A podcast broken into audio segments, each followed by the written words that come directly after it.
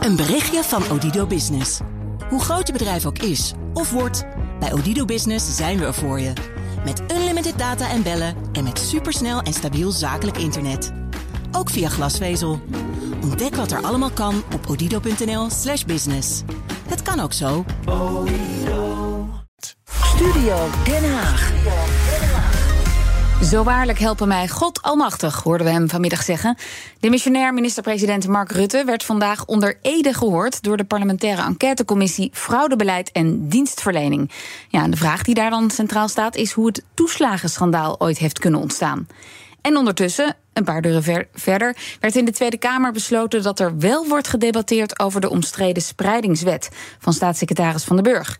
En tot slot presenteert de VVD ook nog de conceptkandidatenlijst voor de verkiezingen. Kortom, een drukke dag voor onze politieke mannen in Den Haag, Leendert Beekman en Mats Akkerman. Goedemiddag.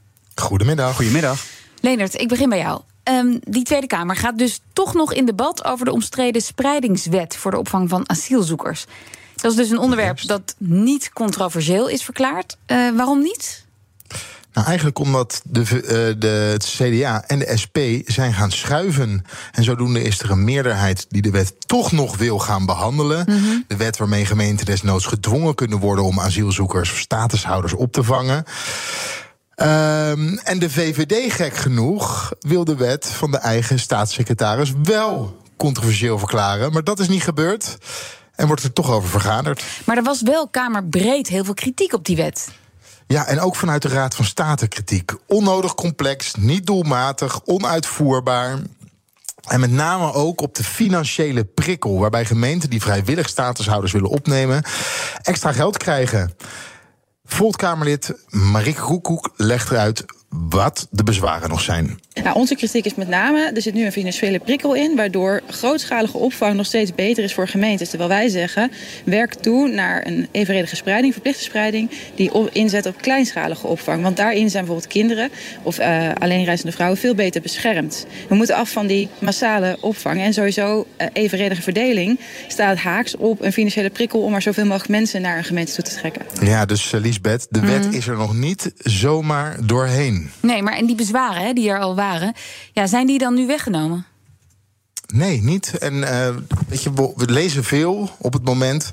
De Kamer gaat door met de spreidingswet onder andere, of met het klimaatpakket. Hm. Maar daar moet nog steeds over gesproken worden. Het betekent niet automatisch, omdat het nu niet controversieel verklaard is, dat het beleid ook uitgevoerd gaat worden. Over de spreidingswet moet gewoon nog gesproken worden. Dat moet nog behandeld worden. Dat kan geamendeerd worden. Dat gaat ook gebeuren vanuit de Kamer. En de wet zoals die er nu ligt, die gaat er niet doorheen. Dat kan ik je nu al voorspellen. Hmm. Um, en er zal zeker nog uh, zullen er aanpassingen op die wet ja. gemaakt worden. Maar in ieder geval wordt hij nog behandeld.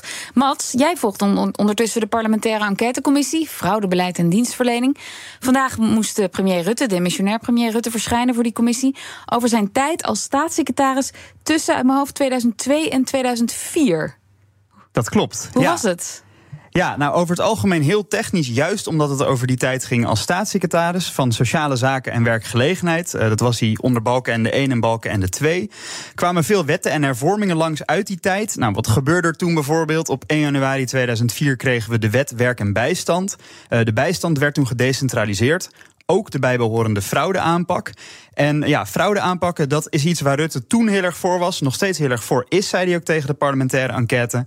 Maar dat kun je op twee manieren doen: signaal gestuurd en risico gestuurd. En Rutte legde zelf aan de parlementaire enquête uit wat dan het verschil is. Signaalgestuurd is uh, als bijvoorbeeld uh, blijkt dat uh, een uitkeringsgerechte erbij werkt en ook sociale premies daarvoor afdraagt. En dan kun je vaststellen dat daar zich een probleem voor doet.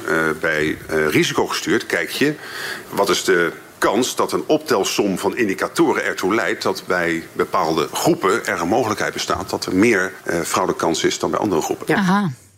En in 2003 koos Rutte voor die risicogestuurde aanpak. En hij zei daarover dat was eigenlijk een beetje een, een, voortzetting van het beleid wat onder Kok al was ingezet. Ja, het ging specifiek over de manier waarop Rutte in 2003 mogelijke bijstandsfraude bij Somalische Nederlanders wilde aanpakken. Lijkt mij al glad ijs. Hoe kijkt hij daar nu op terug? Ja, eh, zeker glad ijs. Hè. Ik moet even de zaak uitleggen. Maar Rutte heeft, uh, kreeg in 2003 signalen vanuit Engeland. dat Somalische Nederlanders uh, naar Engeland vertrokken. maar zich niet hier uitschreven. En dat ze dan zowel in Engeland als in Nederland bijstand ontvangen. Dus bijstandsfraude. En Rutte vond die signalen toen zo stevig dat hij een brief naar gemeenten stuurde. waarin hij zei: controleer extra op fraude bij Somalische gezinnen uh, met een bijstandsuitkering. Maar de rechter oordeelde daar in 2007 over. Ja, dat is discriminatie. Mm -hmm. En Rutte's reactie daarop in 2007 was ja. Eén, die brief had niks te maken met discriminatie en alles met fraudebestrijding. En twee, ik zou de brief zo nog een keer sturen en de wet uh, ja, willen veranderen. Nou, Rutte kreeg daarover de vraag: zou je dat nu weer op die manier zeggen? Het eerste wel, namelijk het is een, uh, een poging om te helpen uh, fraude te bestrijden. En als je dit soort massieve signalen krijgt, zou het gek zijn als je niks doet. dat zou in zichzelf ook een, een, een, terecht maatschappelijk en politiek schandaal zijn geweest. Maar dat tweede niet. Nee, ik denk dat precies de zoektocht dan nu zou moeten zijn. Hoe doe je het dan wel? Op een manier die niet discriminerend is. Maar je kunt ook niet zo'n signaal laten zitten. En ik Nee, dus hij erkende wel, dit was wel discriminatie, zoals de rechter zei. Maar ja, hij zei gewoon, ik had zulke stevige signalen. Ik had het ook, het was ondenkbaar om hier niet bij in te grijpen op een of andere manier. Maar ik moest wel denken, uh, Matt, uh, Rutte, die we toch kennen met de problemen met zijn geheugen en actieve herinneringen. Hij moest nu naar twintig jaar terug. Ja, en dat ging echt verrassend soepel. Hij had wel uh, een hele stapel papierwerk op tafel waar hij in mocht uh, spieken. Hij had ook een, uh, een ambtenaar achter zich waar hij, als het nodig was, mee kon overleggen. Heb ik hem overigens niet zien doen. maar ja, hij, hij leek toch nog wel aardig scherp. Hij, hij, noemde wel een paar keer door, ja, dit is zo lang geleden. Ik weet niet precies hoe zo'n discussie dan toen liep. Maar over het algemeen had hij zijn, zijn feiten wel aardig op orde, hmm. ja en, en Mats, deze parlementaire enquête onderzoekt dus hoe de toeslagenaffaire kon ontstaan. Ik heb er nog niet heel veel over gehoord. Is het daar wel over gegaan? Nou, eigenlijk uh, niet. Deze commissie oh. kijkt 30 jaar terug in de tijd naar het hele functioneren van de overheid en de fraudebestrijding. En het ging vandaag echt heel erg specifiek over die tijd als staatssecretaris, dus 2002 tot 2004. Maar ik sprak achteraf nog even met Rutte. Ja, en ik kon wel nog even vragen: want denk je dat je in die tijd toch op een of andere manier al hebt bijgedragen aan het ontstaan van die toeslagenaffaire? Denkt u dat de twee jaar dat u staatssecretaris bent geweest, dat daar nog dingen gebeurd zijn die er mogelijk toe hebben kunnen leiden? Nee. Echt helemaal niks. Want u heeft bij de vorige ondervraging gezegd: het was een bal die is gaan rollen tot in het ravijn. Er zijn geen enkele stappen in uw tijd gezet die daaraan hebben bijgedragen. Nee, volgens mij niet. Nee. Nee, dus niet in zijn tijd als staatssecretaris. Maar we gaan Rutte nog een keer zien in deze parlementaire enquête. De openbare verhoren duren vijf weken. Uh, en Rutte komt ook nog een keer terug voor zijn tijd als premier. Nou, we weten, hij is de langzittende van Nederland. Dat heeft hij een stuk langer gedaan dan staatssecretaris. Dus uh, dan gaat die toeslagenaffaire wel veel breder en uitgebreider terugkomen. Ja, dan zal hij daar wel even zitten. En uh, Leendert, volgende agendapunt. Want de VVD ja. heeft vanmiddag de conceptkandidatenlijst gepresenteerd. waren er nog verrassingen onder de lijsttrekker, Dylan Nee, vooral veel bekende namen. Sophie Hermans op nummer 2, de huidige fractievoorzitter. Op nummer 4, Erik van den Burg, staatssecretaris verantwoordelijk voor asiel. Op nummer 5, Christiane van der Wal. Die kennen we natuurlijk van het stikstofdossier. Op nummer 6, Ruben Brekelmans. Uh, ook vaak in de media opgetreden. Ook omt, uh, omtrent asiel. Net zoals het onderwerp waar we Erik van den Burg ook van kennen. Aukje de Vries, staatssecretaris. Wel wat minder gezien wel ook een belangrijk dossier, toeslagen en douane. En dan op nummer 10 hebben we nog een nieuwe minister, uh, Marielle Paul. Oh, Zij is namelijk van primair onderwijs. Ja, de vervanger van Wiersma. Ja, ja, precies. Dat, dus de VVD kiest dan vooral voor bekende gezichten in de top 10. Ja, en dat is ook best wel slim, denk ik. Want op het moment dat je naar uh, de stembus toe gaat en je moet een vakje rood kleuren, dan doe je dat toch bij een naam die je kent. En hoe meer bekende namen er op een, uh, op een kieslijst staat, hoe groter de kans hm. is dat iemand ook het, uh, het hokje rood gaat, uh, gaat kleuren. Oké. Okay. ja, en ook op het moment dat je. We zien hier ook belangrijk, in ieder geval voor de VVD, belangrijke thema's zien we terugkomen bij die, in die top 10. He, we hebben uiteraard gaat het over asiel, maar ook over stikstof. Ja, en er zullen debatten over gevoerd gaan worden. En dan heb je in ieder geval de kandidaten klaarstaan die je ook in debatten naar voren kan schuiven. Uh, om het debat te gaan voeren. En, en Leendert, ik zag vooral de berichten... zeven van, uh, van de tien, de eerste tien, uh, zijn vrouw op, de, op de lijst van de VVD. Zien we dat dan ook op de rest van de lijst terug, die grote meerderheid vrouwen? Ja, Mats en ik waren even aan het kijken. Als je de top 30 neemt, dan is het eh, 50-50. Dus de eerste 20 veel vrouwen. En dat wordt dan weer rechtgetrokken van uh, 20 tot 30. En vallen er verder nog mensen op of valt er iets op?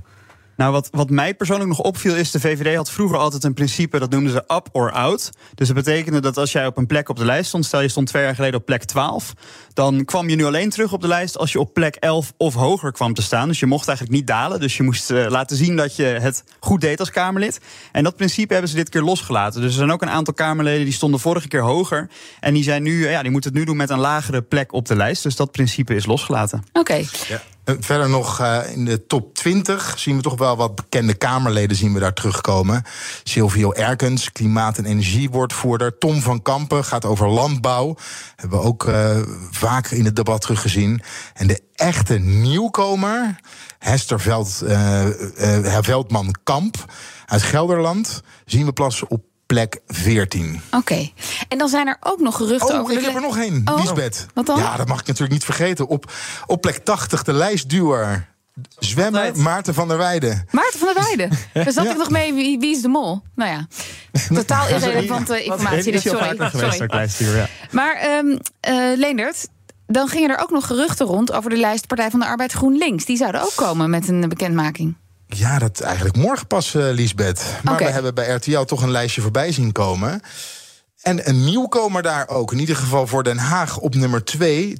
Tilgs, of Tilburgs wethouder voor GroenLinks, Esma Lala, staat op nummer 2. En dan zien we verder nog terug op nummer 3 Jesse Klaver, 4 Katapiri. Jesse Klaver uiteraard van GroenLinks, Katapiri van de Partij van de Arbeid. En op nummer 5 GroenLinks-Kamerlid Lisa Westerveld. Oké, okay. nou en morgen wordt het dan uh, bekend en officieel. Ja, dit is weer een uh, bekend lek. Ja, het morgenmiddag gewoon rond de verkiezingen gewoon lekker door in Den Haag. Om twee uur gaan ze het morgen presenteren. Dus dan weten we dat het echt waar is. Dan spreken wij jullie weer. Dank jullie wel, Leendert Beekman en Mats Akkerman. Een berichtje van Odido Business.